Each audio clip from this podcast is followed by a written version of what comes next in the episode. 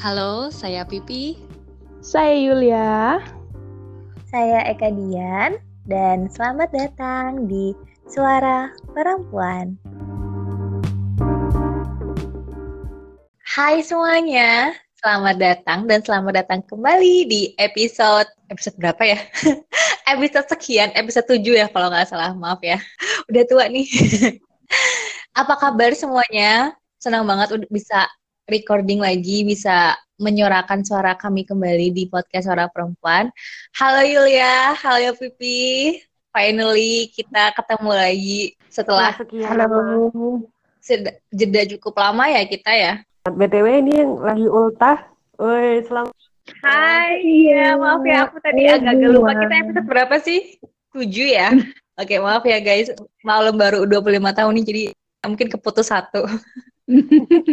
Everyone say a happy birthday. Yeay, Hai, kita bayangin aja kalau yang lagi, yang lagi dengar lagi serentak mengucapkan. Ini di recordnya 26 September, jadi just in case ya guys, kalian mau tahu.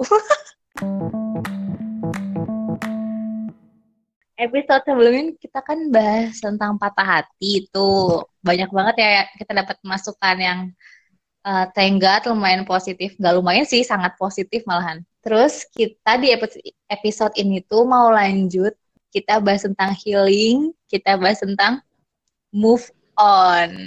Kalian udah move on belum guys dari patah hati terdahsyat? Ya. Wah, sulit ini pertanyaannya. Masih sulit ya? Hmm, kita ini deh, move on itu apa sih buat kalian? Basic dulu. Kalau dari aku mungkin move on itu adalah menerima bahwa sesuatu dalam hal ini eh, ini kita ngomongnya konteks hubungan ya, Mm-mm. konteks hubungan romantis. Menerima bahwa hubungan romantis itu selesai karena alasan tertentu dan sudah seharusnya selesai, selesai untuk alasan yang baik dan kita mampu menerima itu untuk terus life goes on intinya gitu sih kalau kata aku move on itu life goes on the past stays in the past then we try to live in the present Um, ya. masa lalu adalah masa lalu kita hidupnya di masa sekarang dan kita punya kekuatan untuk mencoba hidup yang terbaik di masa yang sekarang gitu sih kalau kata aku Lebih kayak ke acceptance gitu ya. Jadi yep masa lalu ya masa lalu bagian dari dari diri kita juga, tapi kita juga Mm-mm. jangan lupa bahwa kita sekarang hidup yang di masa sekarang gitu. yep Nice. kalau kalian Kalau aku move on itu move on itu nggak sesempit sudah atau belum sih kalau menurut aku. Lebih dari itu gitu. Sebuah proses trial and error dan memutar-mutar sudut pandang. Kalau aku itu buat aku move on. Karena kan biasanya orang-orang tuh kalau ngomongin tentang move on tuh udah move on apa belum? Kok belum move on? Jadi kayak yang antara move on tuh cuma kayak yang udah atau belum gitu. Sedangkan menurut aku lebih dari itu sebuah proses gitu. Proses penerimaan, proses memutar-mutar sudut pandang gitu. Karena ya ketika kita belajar untuk move on kan kita juga belajar untuk apa ya mengenal lebih mengenal diri sendiri gitu. Hmm. Kalau Pipi, Wah, aku terakhir nih, pas banget ya berarti ya. Pamungkas Yang memikir-mikirkan definisi menurut aku sendiri. Kalau dari aku itu, move on itu ya sebuah proses lah. Proses yang mana ketika kita memang menjalin hubungan, ketika kita memang tidak di satu tujuan akhir gitulah ya. Ini kan masih konteksnya masih membahas tentang hubungan romantisme ya. Hmm. itu move on itu bukanlah proses yang apa ya kayak bukan untuk dilupakan atau melupakan tapi lebih ke kayak berdamai dengan masa lalu tanpa bel-embel balas dendam istilahnya kayak gitu jadi dan definisi move on juga menurutku bukan berarti kayak itu harus pengganti yang baru gitu ketika kita udah Iya. kayak kalian bicarakan tadi sebelumnya ketika kita sudah menerima menurut itu bisa dikatakan move on gitu tapi ketika Oke. belum dalam tanda kutip menerima gitu kalau untuk melupakan itu nggak mungkin ya kalau menurutku tapi Iya. kalau untuk menerima itu sih yang kadarnya lebih sulit menurut gitu Aku ini nih aku setuju banget sama poin Pipi yang tentang melupakan gitu. Kadang kadang mungkin ada orang bahkan mungkin juga aku kali ya dulu masa lalu menganggap bahwa move on itu ketika kita sudah bisa melupakan seseorang yang mana itu nggak mungkin ya. Maksudnya memori yang udah terpatri itu nggak mungkin bisa ditarik kembali kecuali amnesia gitu. Jadi malah kalau melupakan tuh jadinya kita kayak denial gitu nggak sih tentang masa lalu kita? Kayak masalah iya. masalah kan udah terjadi gitu, udah terjadi nggak bisa diapa-apain lagi. Yang bisa kita bentuk apa ya perjalanan berikutnya adalah kan di masa sekarang gitu. Jadi emang melupakan itu bukan salah sih, tapi kayak yang perspektif yang aku geser dulu dulu aku kayak gitu perspektifnya melupakan sedangkan melupakan itu adalah sesuatu yang nggak mungkin gitu. Yep. Susah nggak sih move on? Kalian susah move on gak sih? Kalau aku susah banget. Susah banget. Boleh tuh cerita duluan. aku aku suka nyesel tau kalau ngelempar pertanyaan terus aku harus jawab duluan. Makanya aku licik. Aku dan Pipi licik that way, menjebak kamu untuk bercerita lebih dulu. aku tuh percaya atau enggak, aku tuh baru sekali nyoba move on gitu. Wih, gaya banget. Karena di hubungan-hubungan pacaran aku sebelumnya tuh ya udah putus ya putus. Move on tuh kayak aku nggak perlu nyoba move on gitu. Ya udah udah aja. Kalau udahan tuh ya udah gitu. Nah terus aku tuh hmm. kayak kemakan omongan sendiri gitu loh. Jadi aku punya temen deket sahabat kuliah. Kan namanya tuh sebut aja siapa ya? Kemiri ya. Pas masuk kuliah itu sama kayak aku baru putus. Jadi dia tuh susah move on gitu loh sampai itu kayak rahasia umum di angkatan aku gitu. Kalau dia tuh susah move on dari mantannya. So aku tuh yang karena aku sebelumnya tuh nggak pernah ngerasain yang namanya gagal move on. Jadi kayak yang apaan sih? Emang move on tuh susah itu ya? Emang ada ya kayak definisi gagal move on gitu-gitu loh. Sampai akhirnya aku kena omongan aku sendiri di kuliah itu. Aku pun merasakan bahwa move on itu susah gitu. Susahnya apa ya susahnya tuh mungkin ketika aku jatuh cinta itu jadi orang yang sangat irasional gitu loh. Kebanyakan dopamin otaknya jadi tuh halu suka ngefly gitu gitu itu kan harus kayak menetralkan lagi, harus berpijak pada realitas, memandang sesuatu secara, secara objektif yang mana mungkin itu nggak mudah ya setelah kita berhalusinasi setelah beberapa lama, berbulan-bulan bahkan bertahun-tahun. Itu sih yang bikin move on itu lumayan susah buat aku dulu gitu. Hmm. Eh aku pernah bukan pertama kali nih, makanya kedua deh. Pertama kali itu sama cinta pertama aku, yang kedua yang ini. Tapi ini lebih susah, kayak harus harus berusaha banget gitu sama cinta pertama aku tuh berusaha tapi aku masih bisa pacaran sama siapa gitu. Kalau sekarang tuh bahkan dulu tuh kayak nggak nafsu banget sama lelaki mana pun kecuali Henry Cavill nggak deng. lo baru tahu sekarang aja lo sebut-sebut terus. Takut banget maaf ya out of topic. Kalau kalian gimana? Hmm, kalau aku dibilang susah ya lumayan susah ya karena persis sebelum hubungan yang sekarang ini memang kita udah merencanakan untuk serius, cuman kan ya namanya udah kita beda visi misi, beda tujuan dan memang keadaan nggak bisa bareng-bareng, jadi ya udah. Ya itu sih seperti yang kita bahas sebelumnya yang di episode patah hati. Wah, jadi pengandaian itu yang bikin kita susah buat move on gitu. Dan hmm. beberapa apa ya kayak memori-memori itu kerikol lagi kayak gampang banget gitu cuman iya. romantik satu atau dua momen iya banget iya dua, dua lagu kayak wah dulu begini iya. dulu begitu. Wah. iya, bener banget. Bener banget Oneng. membuat sinematografi di kepala. Wah makin hancur sudah. Sinematografi. Cuma aku suka banget loh sama diksinya Pipi ini. Selalu ada diksi baru tiap recording. Udah gitu ditambah dengerin lebih dalam makin lah iya kan aku juga gitu kok. Kalau keingetan tuh bukannya langsung langsung apa ngambil wudhu kayak atau apa malah diputar lagu-lagu yang makin mengingatkan dia gitu. Jadi kayak udah kebakaran disiram minyak tanah ya, makin dia. Iya, oke bego gak sih kita tuh sebenarnya? Lucu tahu. Aduh, itu makin memperlambat menurut aku. Jadi kayak yang makin dinikmatin gitu sakitnya. Iya kayak lupanya tuh kayak sakit tapi dinikmati gitu emang iya padahal sadar. ya, orang maksimal. gimana kita sadar nih itu sakit harusnya kita gak usah lanjutin. Ibarat udah ketusuk paku tusuk tusukin lagi. Tambah sakit. Kalau aku ya aku mikirnya gini loh kayak itu tuh sakit ya tapi tapi itu belum pol gitu loh sakitnya. Kalau mungkin karena teman-teman aku tuh udah banyak yang muak ya dulu tuh. Karena aku tuh galaunya cuma cowok itu aja nyampe yang bilang yaudahlah di kamu sakit-sakitin dulu apa diri kamu sendiri hati kamu sampai kamu puas sampai kamu muak. Nanti kalau kamu udah muak kamu bakal move on sendiri. Gitu katanya kata mereka. Dan emang bener sih. Emang harus sampai muak dulu sama sama apa ya sama patah hatinya baru bisa mikir oh iya itu nggak enak. Oh iya ini tuh sakit. Ayo deh kita kita apa sih kita bangkit kita jalan lagi gitu. Kalau Yulia gimana? Aku dengerin apa sih dengerin cerita kalian kayak terserang secara pasif agresif gitu loh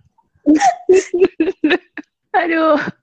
Um, mungkin aku apa ya? Aku mau bingung membahas dari oh sulit atau enggaknya. Yang sulit banget. Pertama itu sulit banget cuman aku pribadi sih apa ya? Aku pribadi berpikir bahwa moving on itu is not necessarily the same dengan letting go and getting oh, over. Ya? Kalau aku secara pribadi bedanya di mana? Berpikir begitu. Dalam arti gini, move on itu jadi kayak waktu tuh hmm. berjalan sendiri kan. Kamu mau gerak, mau dia, mau apa, waktu hmm. tuh jalan-jalan terus. Move on itu adalah ketika kamu tahu bahwa waktu tuh jalan terus dan kamu berjalan bersama waktu. Hmm. Yeah. Life goes on. Mau selesai, kamu mau sedih, mau apa, makanya move on itu banyak serba-serbinya. Karena itu proses. Tapi kalau aku tujuannya tuh ketika selesai hubungan itu lebih dari move on. Aku tujuan akhirnya ke letting go and getting over. Dalam artian gimana? Letting go itu ya letting go. Letting go dalam arti melepaskan. Melepaskan dalam artian yang paling paripurna. paripurna. Fundamental apa ya bahasanya? Melepaskan bahwa oh ya sudah it happens as it does, emang begini adanya, this is for the best.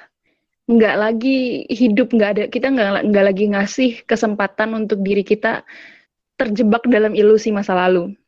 Sama dengan getting over, getting over tuh ya udah, namanya kita pernah sayang orang, akan selalu bagian, apa ya, there's always a part of you in that stays in the past with him, kayak gitu ya. Maksudnya akan selalu ada bagian dari diri kamu yang hidup yang tinggal bersama dia di masa lalu. Dan karena itu bagian dari diri kamu kamu nggak akan pernah bisa apa hmm, membuang itu yeah. gitu loh. Tapi bahwa kamu juga di saat yang sama getting over itu artinya that part itu bukan part yang majority. Kamu merelakan itu ya sudah itu porsinya dia. Tapi bahwa kalau misal dia 5% dari your whole heart 95% still has yeah. to live on dan kamu dengan senang hati excited dengan apa yang akan dialami oleh that the 90% yeah. di masa yang depan gitu. Sudah merelakan yang lima ya sudah. Tapi kamu excited, excited dengan perjalanan yang baru, dengan kisah cinta yang baru, dengan apa pun yang baru. Yeah. Gitu sih. Setuju banget. Uh, tadi abis dengerin dengerin Dian dan dengerin Pipi, uh, aku kepikiran satu hal. Jadi aku pernah, aku lupa sih ini buku atau atau film, aku lupa. Tapi gini, awal yeah. heartbreak itu dan perjalanan setelah heartbreak moving on itu memang pada ada saatnya dia itu a journey sebuah perjalanan. Tapi ada saatnya ada kita akan sampai di satu titik yang dia udah nggak bisa lagi kita biarin jadi journey. Udah harus jadi fight. Dan kita harus tahu harus bisa mengidentifikasi ketika kita sampai di titik itu. Sampai di mana kita mau menikmati perjalanannya dan sampai di mana kita demi kebaikan diri kita sendiri harus mengubah itu jadi sebuah a fight gitu loh. Kita harus harus bisa sampai di di titik yang yang kita bisa yeah, lepas yeah. dari bayang-bayang itu. Aku passionate banget udah kayak pidato aja. Oh, aku tuh pernah baca di Twitter gitu. Hmm, kan suka ada pernyataan bahwa apa sih waktu akan menyembuhkan gitu. Wah. yang mana menurut aku sih bukan waktu tapi kita waktu membutuhkan kita untuk menyembuhkan diri kita sendiri gitu. Jadi yang uh, apa sih relate sama apa yang Yule bilang kan move on itu sebuah journey ya sebuah proses di mana kita nggak bisa gue besok mau move on gitu. Nggak bisa juga kita bilang besok kita udah getting over sama orang itu. Ya namanya juga suka sama orang ya. Iya. Kayak perasaan nggak bisa di switch nggak bisa di switch on switch iya off kita kayak in on gitu. on off aja. Meng- mengalami bener banget. menjalani gitu. Jadi ya mungkin satu sisi kita butuh waktu tapi satu sisi juga kita harus tahu gitu bahwa ya kita membuat apa ya sebuah upaya sebuah usaha untuk menyembuhkan diri sendiri juga gitu. Kalau kalian ya hmm, apa sih apa ya upaya-upaya supaya move on itu apa? Kan setiap orang pasti punya ini kan punya upayanya sendiri yang mungkin kalau menurut aku sih kayak defense mekanismenya ya. Karena kan move on itu Mm-mm. apa ya ada rasa sakit ya ada stresor yang bikin kita pasti dalam kondisi yang eh, merasakan apa ya emosi-emosi negatif gitu. Dan ketika kita merasakan emosi ne- negatif itu kan kita harus apa ya flight atau fight that pain gitu. Kalau kalian apa? Pi, share your story dong karena dia udah mau nikah ya Bo Kalau aku sih upayanya, ya menurut aku nih, setiap orang kan punya upayanya masing-masing. Ada yang bisa, yang kayak Julia bilang, letting go, tapi dengan caranya yang dia masih tetap temenan baik, dia masih berhubungan baik. Tapi aku bukan yang tipe yang seperti itu, maksudnya kita memahami karakter kita seperti apa gitu kan.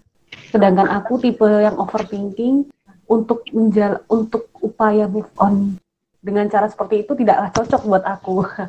Jadi kalau aku lebih cocok yang upayanya lebih yang kayak bener-bener melupakan ben- seperti seperti dulu. Jadi kayak bener-bener yang kita nggak pernah kenal gitu. Jadi balik ke orang asing lagi gitu ya benar kembali ke riset factory lah ibaratnya ya. Kembali ke awal yang kita nggak punya kontaknya, nom even nomor handphone, hmm. Sosial media apa pun itu. Jadi benar-benar nggak ada yang bikin kita komunikasi lagi atau bikin aku komunikasi atau bikin aku keinget lagi gitu. Ya somehow kalau misal temen ada yang dengan manisnya dia screenshot, iya itu sih itu kan di luar kuasa kita ya. Tapi kalau screenshot screenshot kan ya sudah itu salah satu caranya menurutku sih.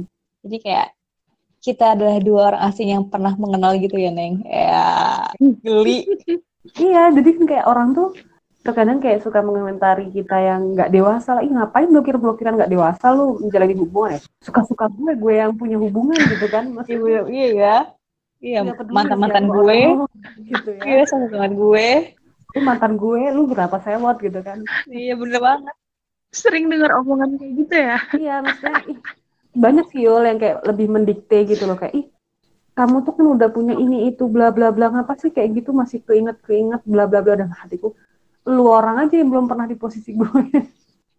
Gimana ya? Ya lagian ngapain Iya, ya maksudnya- ngomentarin orang? Dasar Kita emang. juga nggak mengomentari kehidupan dia ya jadi ya karena mungkin hidup kita lebih excited daripada hidup mereka. Wah. kali kehidupan kita lebih menarik ya. Aduh udah udah udah. Nanti aku julid di sini. Maaf ya pas branding aku harus baik gitu. Don't spill too much of our negative side in here teman-teman. Lanjut pi. Jadi cara kamu out of komunikasi benar-benar ya terus abis itu apa lagi? Udah sih kalau dari awal tapi aku juga sama loh kayak pipi. Kalau nggak ada yang tergantung tergantung sama orang yang aku patah hatinya gitu. Ketika sama mantan mantan aku emang kembali kayak restart dari awal gitu sih. Tapi ada mantan yang sekarang sih masih oke oke aja hubungannya. Tapi ada Hmm. sama mantan yang mungkin udah lama banget ya itu tuh waktu SMA lebih kalau dulu iya aku ngeblok aku ganti nomor sampai aku harus ganti nomor gitu dulu tuh. Biar nggak komunikasian sama dia lagi. Karena kalau dulu tuh kenapa aku nggak pengen komunikasian lagi? Karena aku nggak pengen benci sama dia gitu hmm. bukan karena dianya ya karena aku nggak benci tapi karena demi untuk diri aku sendiri gitu. Aku nggak pernah mau benci sama orang meskipun aku sakit hati karena mereka gitu. Karena kalau benci itu apa ya yang rugi itu kita sendiri gitu. Benci kan Hmm. membuang tenaga kayak apa ya Buddha kalau nggak salah yang pernah bilang ya. Kayak benci bukan itu dendam nih salah salah maaf guys salah quotes paraphrasingnya nggak apa-apa. aku malu banget. Nggak kalau Buddha itu kan dia bilang kayak dendam atau marah ya itu kayak ibarat melemparkan aspal panas ke orang lain dan mengharapkan orang lain orang lain yang terluka padahal kan kita sendiri gitu yang terluka ya, sama-sama hmm. ya nah, aku nggak mau benci sama dia aku nggak mau karena eh karena aku butuh damai benci hmm. kita orang asing gue nggak peduli sama lo kita nggak usah saling mem memperdulikan hidup satu sama lain hmm. tapi kalau kata hati waktu aku kuliah itu Iya sama, pertamanya sama. Uh, aku ngeblok dia semua sosmed, terus ganti ganti nomor WhatsApp.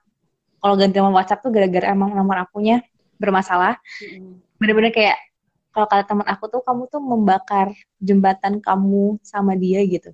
Tapi uh, itu karena apa ya kalau dulu tuh? Oh karena kalau aku dulu tuh ngeblokir sosmed dia tuh karena aku ngerasa udah nggak sehat gitu.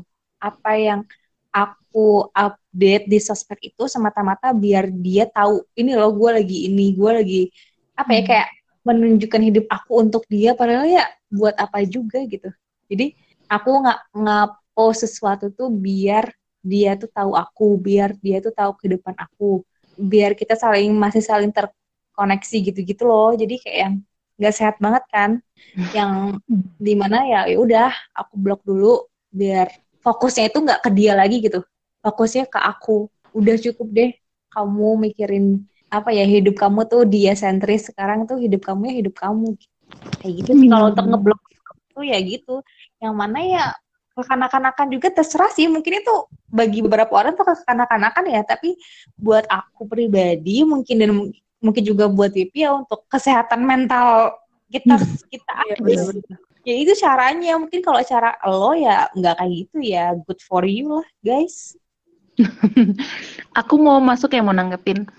Um, aku setuju sama yang Pipi dan Dian sampaikan tentang uh, maksudnya ya kamu ngelakuin apa yang menurut kamu cocok caranya untuk bisa move on itu nggak ada yang paling benar nggak ada yang salah yang ada ya yang yang sesuai sama kebutuhanmu. Terus aku pribadi mungkin uh, apa ya bisa move on bisa mesti bisa lanjut tanpa harus memutuskan hubungan komunikasi. Tapi di aku pribadi pun gini gimana ya segimana friendlynya pas pisah setelah pisah kita tuh mesti tahu batasnya dan aku pribadi tahu batasku gitu loh. Dalam artian hubungan emang nggak masih saling tahu nomor masih kadang-kadang masih kabar-kabaran. Tapi ya udah sampai situ aja. Dan arti in, intensitas komunikasi itu pasti berubah dan emang semestinya harus berubah. Soalnya kalau enggak kalau misal kita keenakan melanggar batas tuh kebablasan ya yang sakit kita sendiri maksudnya ya itu kita tahu harus tahu diri lah tahu apa yang kita butuh tahu batasnya kita. Iya iya benar uh, aku ya sih dan itu beda-beda sih makanya menurut aku pro, apa move on itu adalah proses trial and kita nyoba ini mungkin nggak berhasil. Nyoba yeah. usaha yang ini berhasil gitu. Dan kalau untuk beberapa orang juga gitu sih. Kalau teman-teman aku juga ada yang apa ya mereka tuh biasa aja tuh. Kalau aku kan analoginya tuh aku move on tuh harus narik diri dulu kan dari orang gitu. Harus kayak pergi dulu. Mm-hmm. tapi kalau temen aku tuh ada yang kayak makin mendekatkan lagi ke luka itu biar makin biasa gitu loh. Terbiasa sama luka itu. Kalau aku sih nggak bisa kayak gitu. Aku bahkan dulu kan itu puncak-puncaknya ketika aku kuliah tingkat akhir kan nyampe mm -hmm. lulus. Itu aku nyampe ber apa ngambil keputusan aku harus pergi dari Bandung gitu. Karena Bandung itu udah nggak semenyenangkan itu bukan karena Bandungnya tapi karena akunya waktu itu belum bisa mengelola emosi aku dengan baik kayak aku ke sini keingetan ke sini keingetan dan itu tuh nggak sehat gitu loh dan aku nggak mau pada akhirnya aku jadi benci sama kota Bandung yang mana aku sangat-sangat cinta gitu. Jadi aku mengambil keputusan ya udah aku menarik diri, kayak menarik kursi keluar dan berusaha melihat segala sesuatu dari sudut pandang orang ketiga. Ya gitu hmm. sampai segitunya. Kalau Pipi Pi, benci nggak sama Jogja, Pi? Wah, kronis kalau itu mah. Ih, jangan dong. Masa sih benci sama Jogja?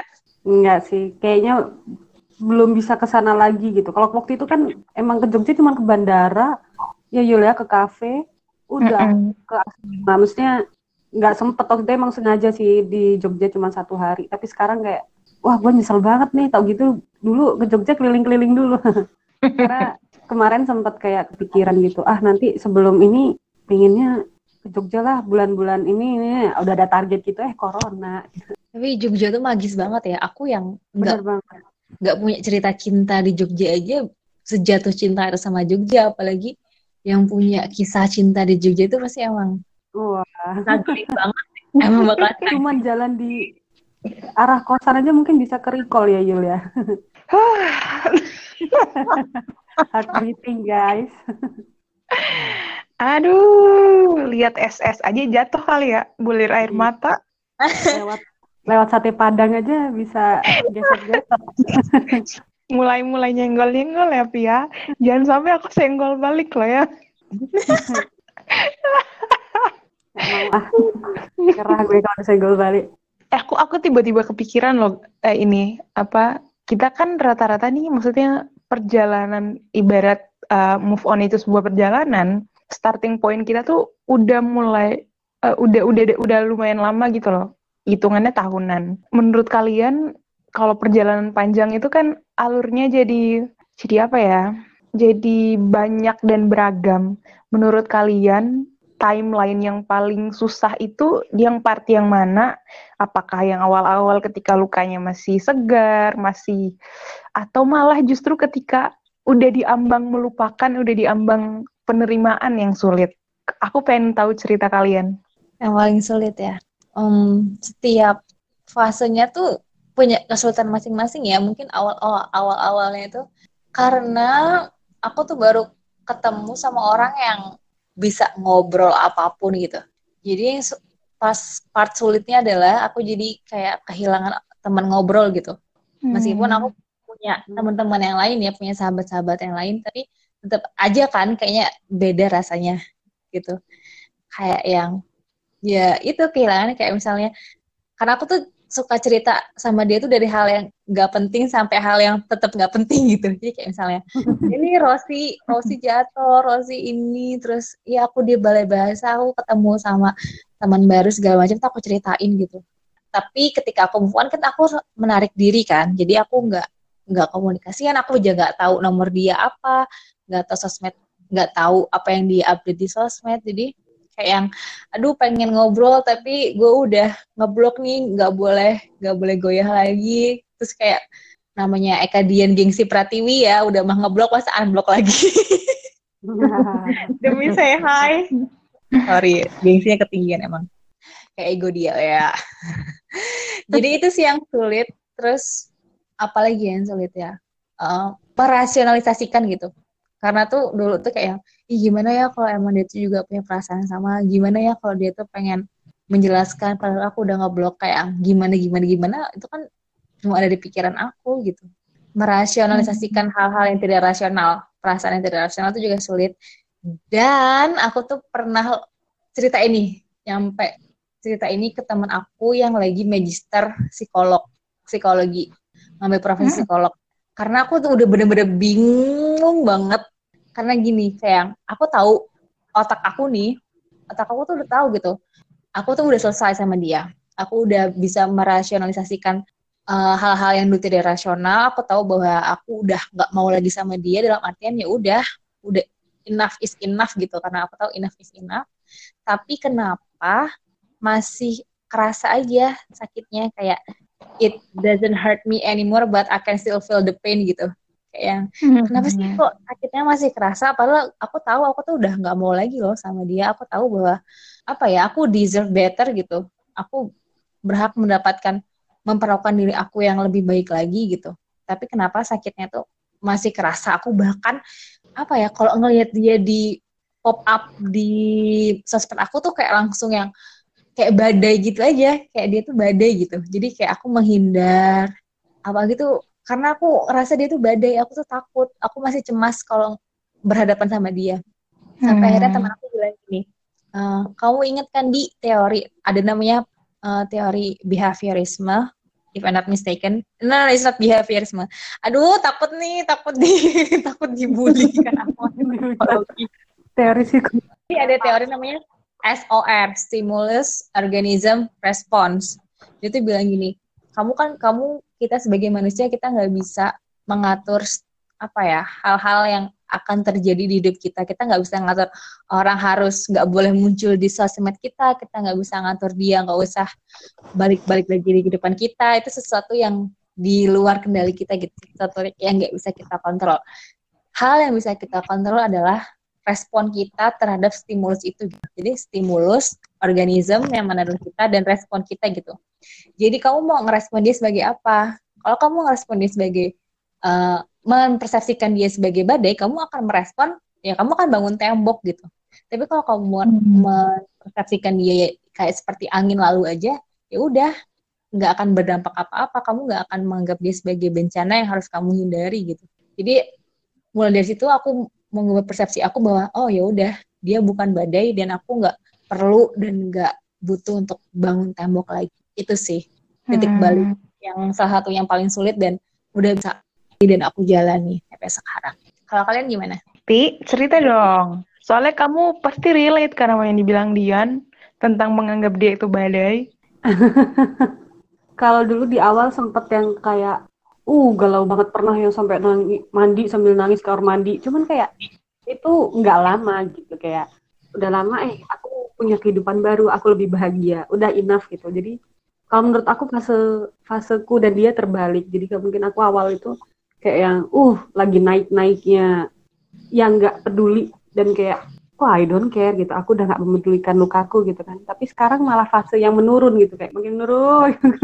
Akhirnya kayak anyway dia sakit sakit karena ya pasti kita sakit lah ya pas pertama berpis keputusan berpisah. Cuman kayak mungkin literally kelihatan banget fasenya dia menikmati lukanya sampai akhirnya mungkin dia udah ah ini udah saat yang tepat untuk lepas gitu kan. Nah mungkin sekarang dia di fase yang lagi santainya sedangkan aku fase terbalik. Jadi sekarang kayak yang wah malah yang sakitnya sekarang gitu. Padahal aneh ya mm -hmm. kalau dipikir-pikir sih mungkin seharusnya dulu gitu. Tapi kalau sekarang lebih ke yang kayak ya karena kalau menurut aku sih ini salah satu dari fase kehidupan. Maksudnya kayak nanti yang nanti bakal jadi status yang menikah. Nah itu menurutku transisi yang menikah itu benar-benar yang untuk di tahap itu benar-benar harus yang ini kita harus benar-benar memutuskan bahwa wah, aku akan mempunyai kehidupan yang baru tidak akan pernah untuk melihat ke belakang lagi. Ya mungkin sesekali untuk tidak sangat terpengaruh. Nah itu beberapa waktu lalu sedikit kayak wah dihantui beberapa bayang-bayang masa lalu yang seharusnya nggak muncul gitu. Wah ini ini gitu. Wah itu tuh sampai kayak yang kebawa sampai alam bawah sadar. Itu sih yang menurut aku kayak yang kenapa baru sekarang gitu? Kenapa aku sekarang kayak gini gitu? Aku lebih yang itu sih yang kayak Yulia bilang untuk letting go itu sih yang kayak sulit menurutku. kalau Yulia um, kalau aku mungkin mau cerita selain dari pengalamanku pribadi juga dari soalnya aku kan sering dicurhatin oleh jadi teman-temanku tuh um, bahagia ketika curhat denganku. Ha, apa sampai lupa mau ngomong apa? Kebanyakan muji diri. um, intinya aku mau berbagi dari perspektif uh, perjalananku pribadi dan apa yang kupelajari dari um, cerita teman-teman yang ngobrol ke aku. Dan lucunya ya, yang seperti yang yang dia omongin juga masuk, lebih-lebih yang Pipi omongin. Jadi yang sulit itu malah jadi yang kayak kalau masih sebulan dua bulan yang lukanya tuh masih masih segar yang itu masih justru masih gampang gitu loh kita bangkitnya maksudnya yang daily day by day gitu kayak udah nangis abis nangis tapi abis itu udah kita masih bisa yang karena masih terlalu jelas masih gimana ya di situ justru anehnya jadi semakin jelas lukanya kita kan lihat tuh lukanya kita semakin apa semakin gampang buat kita untuk bangkit dan arti kita yeah. karena tahu tempatnya lukanya di mana kita bisa tutup gitu kita iya. bisa sembuhin kita bisa kasih salep gitulah. Yang sulit itu justru kalau sayatannya tuh udah nggak kelihatan. Oh my god. Dalam arti kayak udah tiga bulan, empat bulan, enam bulan, setahun. yang kita udah mulai bisa menata hidup kembali, udah mulai bisa baby step, udah mulai bisa nggak kebayang-bayang sama dia lagi, justru di situ yang paling sulit. Karena ketika sakit, kita nggak ngerti mana yang harus diobatin. Karena kerasa sakit, cuman kita nggak bisa nggak bisa tunjuk persis gitu loh bagian yang sakit, bagian yang harus diobatin. Dan aku pas menyadari itu, aku gila ya maksudnya manusia nih kisahnya beda-beda, tapi kok bisa bisa mirip gini. Seenggaknya dari yang apa yang aku alami dan yang apa namanya teman-temanku alami gitu yang cerita ke aku. Terus akhirnya kalau aku aku tipe orangnya apa ya aku tuh orangnya yang mengkonfrontasi. Aku tuh ongoing confrontation terus soalnya emang kayak bukan berburu dengan waktu sih karena karena aku di pihak yang ditinggalkan oh ditinggalkan dalam arti gitulah hmm keputusannya bareng-bareng tapi aku yang ditinggalkan. Hmm. Aku nggak ngerti maksudnya mau mengelaborasi gimana karena ini bukan ceritaku. Um, intinya aku juga karena aku aku yang harus apa ya berjuang sekali untuk untuk bisa move on, untuk bisa untuk bisa sehat gitu secara mental, bisa melanjutkan hidup tanpa harus ke, terbawa bayang-bayang. Dan aku di proses itu aku akhirnya kayak me, apa ya belajar tentang sesuatu, belajar bahwa ternyata yang bikin berat itu kadang itu nostalgia, bukan. Yeah. Jadi gini, aku tuh aku tuh kan masih karena namanya kayak kisah cinta yang paling lama di hidup kamu, yang paling serius di hidup kamu. Jadi segala sesuatu tuh mengingatkan gue ke dia. Dan aku akhirnya karena bosan dengan perasaan itu, aku hmm. akhirnya kayak konfrontasi terus gitu loh. Dan akhirnya yeah, aku yeah, sampai yeah. di titik aku sampai di titik yang menyadari yang aku rindukan tuh bukan dia. Yang aku iya. rindukan tuh bukan dia sebagai manusia, tapi yang aku rindukan itu adalah aku dan dia di masa lalu. The moment kan. Iya, momennya yang aku rindukan, bukan orangnya. Iya. Dan aku hanya berpikir, oh kalau gitu, kalau gitu itu ini tuh nostalgia, bukan bahwa aku masih cinta, aku masih apa. Itu tuh cuma iya. ilusi. Perasaan masih yeah, cinta itu yeah. cuma ilusi. Iya benar, iya nggak sih? Yang yang The bikin berat itu. Yep. The idea of him. Aku relate banget sama Yul ya. Kayak yang temen aku bilang gitu kayak kamu masih kangen gak sih sama dia? Yang waktu dulu dulu gitu ya aku bilang aku aku kangen tapi aku tahu gitu. Aku bukan bukan dia yang sekarang yang aku kangenin, tapi dia yang dulu, dia yang dulu masih ngobrol sama aku, dia yang dulu ketika tahun itu kita masih komunikasian, kayak momen itu yang aku kangen. Mungkin ketika aku ngobrol lagi sama dia yang sekarang, iya perasaan itu nggak akan se excited seperti dulu karena yang aku cinta yang aku rindukan adalah dia yang dulu. Yang mana yeah. itu ya? Udah lalu udah di idea of him gitu. Aku yang aku ingat ini nih ketipan film Paper Town kayak yang kadang kita tuh menganggap seseorang itu lebih dari dirinya gitu dia yang cuma ngerti kita dia yang paling baik dia yang ini yep. ini padahal pada kenyataannya dia adalah dia gitu Aku setuju banget sama itu. Kadang tuh karena nostalgia itu, kita tuh seneng banget mengidealisasi, mengidealkan, meromantisasi kisah masa lalu. Iya. Meromantisasi orang di masa lalu kita. Iya kan, dia tuh perfect banget. Yang kita punya dulu tuh perfect banget. Iya. Kayaknya nggak bakal ada lagi yang lebih dari ini. Padahal hmm. kan sebenarnya nggak gitu. Kitanya aja yang terjebak ilusi. Iya, yeah, everybody has has their own flaw gitu kayak iya. tiba-tiba dia tuh lebih sempurna pokoknya dia yang cuma dia mau manusia mau mm-hmm. nggak ada yang perfect tapi kita kadang yeah. lupa itu karena kita seneng aja gitu nyiksa diri sama nostalgia masa lalu. Tapi nostalgia Iya emang itu sepenuhnya nggak baik. Tapi satu sisi aku sangat berterima kasih dengan masa-masa itu karena aku sangat produktif sekali dalam menulis. kayak bengong-bengong gitu langsung oh ya nulis ini bengong-bengong nulis ini gitu. Kayak langsung wow kepala ini menciptakan menciptakan ini ya malah menciptakan kreasi ya. Iya. Ya itulah dua dua salah ada dua, dua mata yang berbeda tapi intinya di situ nggak sih kuncinya? Membiar apa kita tuh harus jadi yang ngontrol yang ngontrol ya. ibaratnya tuh kita kita apa sutradaranya gitu. Kita penulis ya. skenario nya dalam artian ya bukan kita yang diarah-arahin gitu sama perasaan kita sendiri padahal kita sebenarnya nggak tahu yang kita rasain itu apa. Ya nggak sih? Apa ya hal yang yang aku seneng dari perjalanan move on ini adalah kayak I found myself gitu. Karena ketika aku cinta hmm. sama dia I myself dan itu sangat-sangat perasaan yang sangat horrible. Hilang kendali aja atas perasaan sendiri terombang-ambing sama perasaan sendiri.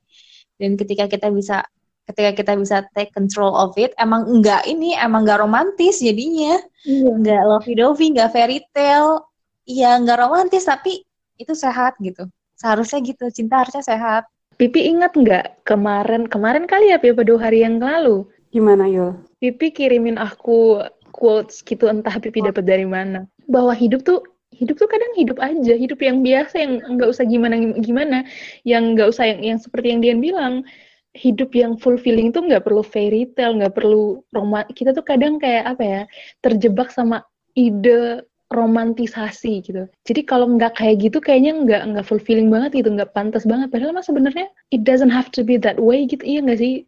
Pipi ingat nggak hmm. yang Pipi kirim ke aku? Ingat, nggak perlu perlu dibaca ulang nggak ini? mau mau Boleh. dong, mau dong. Boleh dibaca ulang. Itu kamu bisa membaca sendiri bukan? Kamu baca dulu. Aku lebih lebih setuju kamu yang membacakan. Aku baca ya. Oke. Okay. Yeah. For the longest time, it feels like I have been trying to make sense of life, but now I see there is no sense to be made, only life to be lived. There is no set purpose to fulfill, there are no checklists to complete, just an ephemeral moment to breathe, to love, to be kind, to feel. Life is in all that simple little things that we so often overlook. Uncomplicate your heart. Be here, be present, embrace your own journey. There is so much beauty and wonder to be found right where you are. Bagus hmm. nggak sih? Kadang tuh emang idealisasi dan romantisasi itu kadang yang berbahaya untuk kita sampai kita nggak bisa kadang kita terjebak untuk kalau nggak living in the past ya living in our head, in our imagination. Kadang itu kita terlalu sibuk di situ kita sampai lupa untuk living in the present. Yeah, relate yeah, in spiritual level. Tapi aku penasaran ya, titik balik gimana kalian, oke okay deh gue mau move on tuh apa sih? Kalau aku titik titiknya tuh apa ya? Hmm, Pipi mungkin tahu tahu karena udah kenal banget aku tahu ini tentang aku. Aku tuh orangnya kalau sakit sakit banget gimana ya? Jadi tuh aku nggak bisa membayang karena tahu diri. Tahu kalau nggak kulawan akunya bisa habis. Hmm. jadi moving on getting over letting go itu caraku melindungi diriku sendiri memilih diriku sendiri ketika aku mulai bisa dan aku kayak tiap aku tuh tipenya yang tiap hari aku tuh yang mengidentifikasi apa yang kurasakan, mengidentifikasi hmm. apa yang kurasakan dan mengidentifikasi my emotional state bagus atau enggak. Kalau emotional stateku yang enggak bagus, ini kenapa? Dan waktu hmm. itu emang waktu awal-awal abis pisah tuh, yang bikin emotional stateku amburadul berantakan itu ya dia dan segala sesuatu tentang dia. Segala sesuatu yang apa ya masuk akal nggak sih kalau aku bilang yang paling sakit itu del bukan kehilangan apa tapi kehilangan masa depan yang belum jadi. Oh my god. Jadi kayak harus merelakan masa depan yang sebenarnya kayak kalau misal mau pakai istilah pipi udah kayak sinematografinya udah jadi gitu, warna-warninya udah jadi. Nah. trailer udah, udah ada trailernya. Udah jadi di kepala kita, tapi harus kita harus melanjutkan hidup dengan kesadaran penuh bahwa itu tuh selamanya berhentinya di kepala kita. Udah nggak nggak bakal kejadian di di dimensi yeah. dunia nyata. Dan itu menyakitkan. Jadi caraku dan ketika aku mulai ngerasa ini tuh membuatku tidak sehat dan responnya kepalaku responnya hatiku responku secara sadar adalah menyelamatkan diri. Dan caraku menyelamatkan diri adalah berjuang habis-habisan untuk bisa move on, letting go, getting over, dan akhirnya aku bisa bilang sekarang I am healthy in body and mind in body nggak ngerti sih masih ongoing struggle itu. Jadi kalau in mind, apalagi dalam urusan hubungan hubunganku sebagai apa dengan dia secara apa ya sebagai sesama manusia, sebagai adik dan kakak masih lanjut-lanjut aja. I think apa ya, I did a good job and I want to compliment myself on that. Nggak kalau kalian gimana? Speechless. Iya. yeah, I can say the word. Kalau aku, aku tuh mirip kayak Yulia gitu. Ketika aku merasa nggak nyaman, aku akan konfrontasi biar aku nyaman dengan itu. tapi dulu tuh masalahnya aku tuh nyaman-nyaman aja sama luka itu. Kayak nyaman dalam kebodohan gitu loh. Dan itu kan gak sehat. Aku tuh ingat banget titik balik di mana aku harus move on meskipun teman-teman aku tuh udah kayak udah udah nyampe berbusa kali ya. Apa sih kayak ngasih tahu aku tapi akunya yang menutup telinga. Itu kalau nggak salah waktu tahun baru aku tuh baca novelnya di Lestari judulnya Perahu Kertas kalian pernah Oh baca my god. Aku pernah baca, aku baca waktu semester satu kuliah. Iya, jadi itu tahun baru kan aku nggak nggak pulang ya, teman-teman aku pada pulang, pada pulang pulang kampung gitu kan. Aku tuh di kosan sendirian baca buku itu, di luar tuh lagi rame kembang api, di dalam kamar tuh aku lagi galau, ditambah lagi baca Oh, no. bukunya. Gitu. Ada satu chapter yang bener-bener kayak bikin aku tersadar, bener-bener kayak bikin aku akhirnya memutuskan, yaudah, ayo kita move on gitu. Aku lagi baca bukunya, aku lagi megang bukunya ya. Itu di chapter apa ya? Hati tak pernah memilih gitu loh. Kalian ini maaf ya kalau ada kalau ada, ada spoiler. Kan di perahu kertas itu ada tiga ya ada misalnya ada, ada tiga tokoh. Kugi, Kinan dan sama Remy kan. Ini adalah part yang bikin aku akhirnya memutuskan untuk move on. Aku bacain ya. Oke. Oke. jadi eh, ini tuh kayak cinta segitiga gitu kan. Kugi, Kinan dan Remy gitu. Di satu momen kan Ku- Kugi dan Kinan kan pisah. Dan Kugi akhirnya ketemu Remy dan mereka menjalin hubungan romantis kan. Eh, tapi Remy tuh kayak ngerasa tahu gitu bahwa Kugi dan Kinan itu masih ada yang belum selesai. Maaf kalau spoiler alert ya guys. Jadi ini kata-katanya. Eh, si Remy itu bilang gini carilah orang yang nggak perlu meminta apa-apa tapi kau mau memberikan segala-galanya. Terus kata Oh, Gugi, tapi orang itu kan kamu. Aku nggak pernah minta apa-apa, tapi kamu kasih semuanya, kata Gugi. Terus dan ini adalah kalimat yang bikin aku sadar. Kalimat yang Remy bilang, kamu mungkin sudah ketemu, saya yang belum. Hmm. kamu udah ketemu tapi saya yang belum dan aku merasa ya enough udah enough di memberinya. Cinta itu take and give. Kamu nggak bisa selalu terus-terusan memberi. Yang mana mungkin yang kamu berikan itu nggak sehat juga buat buat dia gitu. Dan marilah kita hidup sehat dan mem- ketemu dengan orang juga yang ingin memberi kamu segala-segalanya seperti kamu. Ingin Amin. memberi. Ya cinta itu interaksi gitu. Bukan obsesi yang kamu bukan kamu doang yang memberi dia tapi dia juga harus Taken good ya. Benar. Iya, take and give. Kalau- Kalau enggak ya kayak yang ke investasi waktu yang mana sewaktu-waktu kita minta imbalannya gitu. Sekarang yang pamungkas nih cerita dari Cerita legend. silahkan Bu Pi. Aku tuh memutuskan untuk move on ketika kita ketika memutuskan untuk ya udah kita akhiri aja. Bener-bener keesokan harinya dia menunjukkan tanda-tanda bahwa dia benar-benar mau melepaskan aku. Jadi posisinya kayak oh ya udah apa yang perlu dipertahankan lagi ketika ketika kita bilang enggak nih kita ya udah pisah gitu. Kita sering maksudnya putus-putus segala macam cuman kayak nggak seserius waktu itu. Jadi kayak ketika dia ketika sakit ketika ternyata ah dia sudah memutuskan untuk letting go kayak gitu. Dan ya udah jadi aku menjalani kehidupan baru lagi kayak ya ketika aku berpikir ya udah toh kita memutuskan untuk nggak bisa bersama lagi. Dan makin ke sini ya kayak yang Julia sampaikan tadi momen sakit hatinya itu bukan awal tapi justru ketika setelah berjalannya waktu baru menyadari bahwa ah luka ini belum sembuh. Ternyata aku sedang berjalan di atas luka gitu. Maksudnya belum sepenuhnya healing tapi udah membuka chapter baru. Itu sih menurutku satu poin yang dap aku dapat pelajaran dari alur kisah ini gitu. Hmm, udah sih dari aku. Mungkin karena udah terlalu penuh ya di kepala mau ngomong apa sampai sampai sampai susah gitu terutarakan ya Tapi ketika aku ngobrolin ini tuh kayak yang udah yang ya udah gitu aja. Oh ya, kayak dulu, dulu tuh kayak move on tuh yang susah banget.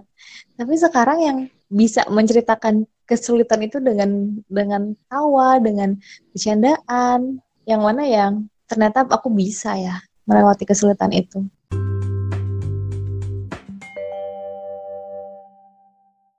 Eh, apa sih yang ingin kalian sampaikan ke seseorang yang mungkin lagi berusaha move on atau mungkin ke diri kalian di masa depan nanti yang mungkin juga akan move on lagi mungkin. Itu pengennya sih langsung ketemu yang tepat ya. Udah lelah kayak hamba. Apa sih atau ada tips-tips move on mungkin dari kalian? Um, apa ya? Um, penutup pembahasan move on kita yang lumayan panjang. Um, kalau aku aku percaya segala sesuatu tuh terjadi untuk suatu alasan dan probably for the best untuk yang terbaik gitu untuk diri kita. Um, untuk apa ya sebagai seseorang yang apa ya emang idealnya kan seperti yang dibilang Dian ya kita langsung ketemu the one gitu.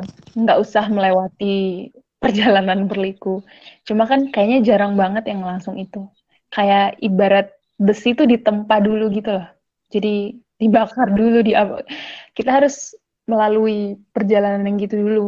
Dan mungkin apa ya hikmah itu hadir dalam bentuk pendewasaan diri. Setiap kali kita melewati satu satu um, perjalanan satu hubungan meskipun dia gagal kan ada yang kita ambil dari situ. Ada aspek dalam diri kita yang menjadi lebih baik yang belajar yang lebih dewasa lebih apa ya lebih punya perspektif yang yang luas karena kita belajar dari apa yang kita alami. Dan kalau aku percaya gini segala sesuatu yang kita alami sekarang itu akan mempersiapkan kita ketika kita sampai kita udah ketika kita udah ketemu the one-nya itu. Kita harus melalui banyak hal. Emang kita butuh kita butuh itu untuk bisa apa ya? Untuk bisa pantas. Terus proses move on. Emang kalau lagi move on itu kita tuh kadang hal-hal yang paling berat itu mungkin momen-momen ketika segala sesuatu yang ada di hidup kita tuh mengingatkan kita kepada masa lalu kita, pikiran di kepala kita bahwa kita tuh dulu perfect banget ya, kenapa harus berakhir, atau ke frustasi, frustasi kita, rasa frustasi kita kenapa waktu tuh udah lama banget berlalu, kita kok masih sayang aja, masih ingat aja. Aku pengen bilang, namanya kita makhluk emosional, makhluk yang punya emosi, itu tuh wajar. Tapi perasaan itu, adanya perasaan itu tidak berarti bahwa keputusan kita untuk apa ya, untuk berhenti dari hubungan yang lalu dan kemudian melanjutkan hidup itu salah. Itu yang ingin aku garis bawahi. Jadi kayak itu ya serba-serbi aja, tapi bahwa keputusan kamu itu keputusan yang terbaik dan kamu berusaha yang terbaik untuk melanjutkan hidup itu skenario yang paling baik. Aku cuma pengen encourage aku diriku sendiri dan semua yang lagi dengar untuk live in the present, untuk benar-benar menikmati hidup kita yang di masa ini di di dimensi yang ini um, punya support system yang baik kemudian kita menikmati apa ya inner worknya kita memperbaiki apa-apa yang ada dalam diri kita meningkatkan apa yang harus ditingkatkan menjaga emotional state-nya kita selalu sehat mental health-nya kita selalu sehat dan jadi objektif dalam arti gimana? Ketika hubungan udah berakhir, kita tuh harus sadar cuma ada tiga aja yang mungkin terjadi, tiga kombinasi aja. Entah kita memaafkan, memaafkan diri kita, memaafkan pasangan kita yang dulu, dan kemudian balikan, itu satu. Kedua, memaafkan tapi nggak balikan. Hmm. Ketiga, nggak maafin, nggak balikan, ya udah selesai. Kan cuman itu. Jadi kita mesti pilih salah satu, habis itu lanjutkan hidup dengan konsekuensi dari pilihan yang kita ambil. Dan untuk sampai ke pilihan itu kitanya harus objektif dalam mengkonfrontasi perasaan kita dan keputusan kita. Apipi? Kalau aku sih karena belajar dari pengalaman masa lalu aku lah. Uh, satu hal yang ingin aku sampaikan itu jangan pernah kita tuh berusaha membuka chapter baru hanya untuk menutupi luka yang lama ketika luka lama itu belum selesai kayak gitu. Jadi selesaikan dulu apa yang Sebelum. menjadi, uh, uh, maksudnya selesaikan dulu lalumu, baru kamu memulainya yang baru. Gitu. Jadi benar-benar ada perbedaan, ada gap gitu loh. Jadi nggak yang sekarang nih sakit hati, terus kayak beberapa bulan, hari, minggu atau bulan kemudian langsung yang kayak, oh mulai lagi hubungan baru. Ya bukan berarti nggak bisa, bisa. Hmm. Cuman alasannya uh, ya Iya, nanti jatuhnya perjalanannya sih, karena pun aku udah pernah ngalamin nih sekarang, jadi jadi bisa ngomong gitu. Jadi ya itu ketika waktu aku cerita dan ke temanku, dia bilang ah kan kamu udah memutuskan untuk ini, membuka hubungan baru. Oh iya juga, maksudnya aku udah memutuskan untuk membuka chapter baru sedangkan chapter lama belum selesai. Itu sih poinnya yang harus digarisbawahi. Kalau dari aku, yang terus yang kedua, belakangan ini aku suka banget dari lagu Don't Look Back in Anger. Di lagu itu kayak mendeskripsikan ketika kita kayak ya udah kita jangan melihat masa lalu dengan kemarahan gitu kan. Uh, jadi ya go on dan menikmati kayak yang Yulia bilang nikmati masa yang sekarang jalani syukuri lagi-lagi ke kita ke ini sih kembali ke fundamental kehidupan ya pasti Allah itu menciptakan kita semua pasti ada sebab akibatnya dan yang kita jalani sekarang itu pasti yang lebih baik menurutku Tuhan itu sebaik-baiknya perencana gitu kalau kita kan manusia hanya bisa berekspektasi dan berangan-angan wah ini bagusnya seperti ini masa depanku seperti ini bla bla bla tapi ya Tuhan mak tahu yang terbaik buat kita. Wah, jadi jadi fundamental banget ya. Religius ya pembahasan ini. Jadi kalau aku salah satu pelajaran yang aku dapat ketika aku dalam proses uh, move on dan menemukan diri aku sendiri adalah hidup adalah sudut pandang gitu. Jadi ya kita pilih bagaimana kita memposisikan sudut pandang kita mengen mengenai situasi tertentu aku bisa aja milih sudut pandang bahwa aku menganggap kisah cinta aku dengan dia, dengan dia. Kisah cinta aku yang berkaitan dengan dia adalah kisah cinta paling tai kucing sedunia. Aku bisa benci sebenci-bencinya sama dia dan yang mana pada akhirnya sama aja itu menyakiti diri aku sendiri gitu karena uh, cerita aku dan dia itu adalah bagian dari diri aku juga gitu. Tapi aku akhirnya milih untuk untuk berdamai, untuk tidak lagi menganggap dia sebagai badai, menganggap bahwa itu semua adalah salah satu cara Tuhan mungkin untuk mengembalikan aku lebih mengenal diri aku sendiri gitu. Makanya aku bilang kenapa move on itu adalah memutar-mutar sudut pandang. Ya mungkin pada awal-awalnya kita move on, kita melihat sudut pandang yang sangat-sangat menyakitkan, sangat-sangat gelap gitu. Tapi seiring berjalan waktu, kita juga bisa menggeser sudut pandang itu ke arah yang bukan lebih baik ya ke arah yang bisa apa ya mendamaikan diri sendiri gitu berdamai dengan keadaan hmm. terus juga aku bilang move on itu trial and error ya ya karena move on itulah proses upaya aktif sih untuk sembuh gitu kadang kita nyoba usaha selagi as long as itu sehat ya. Kadang kita nyoba ngeblok tapi tetap aja eh, nggak uh, berhasil. Kita nyoba ini nggak berhasil. Sampai akhirnya kita nemu satu cara yang yang pas yang sesuai ngebantu kita untuk move on. Dengan catatan cara itu harus sehat. Dan yang kedua ketika kita udah uh, siap membangun hubungan baru kalau aku pribadi sih mikirnya apa ya? Instead of searching the right person become one gitu. hmm.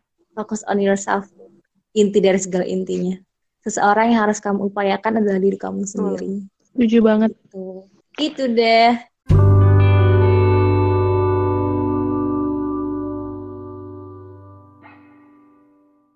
Terima kasih atas obrolan yang sangat menyenangkan ini yang tanpa kita kita nggak iya. nge-planning ya, kita nggak bikin outline. Langsung ngalir. Ternyata bisa mengalir dengan menyenangkan. Terima kasih Yoya, Vivi. Terima kasih.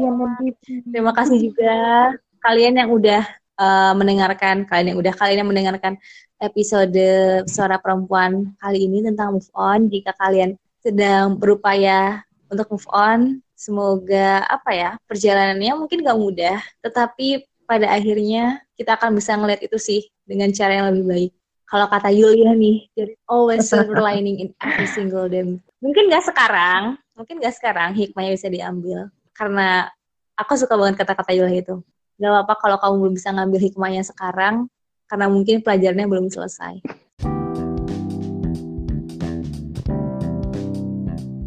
Sampai jumpa kalian Yulia Vipi di episode selanjutnya ya, yang mendengarkan juga. Terima kasih dan sampai jumpa di episode berikutnya. Kalau ada kritik dan saran, silahkan email ke kami di suara-suara perempuan at gmail.com. Kalian juga bisa follow Instagram kami. Ih, kita nggak pernah ini promo nggak pernah. Ya? Iya nggak pernah nggak promosi Instagram ya. Baru sadar. Kalian bisa uh, follow Instagram kami di @podcast suara perempuan. Oke. Okay? Sampai jumpa di episode berikutnya. Dadah.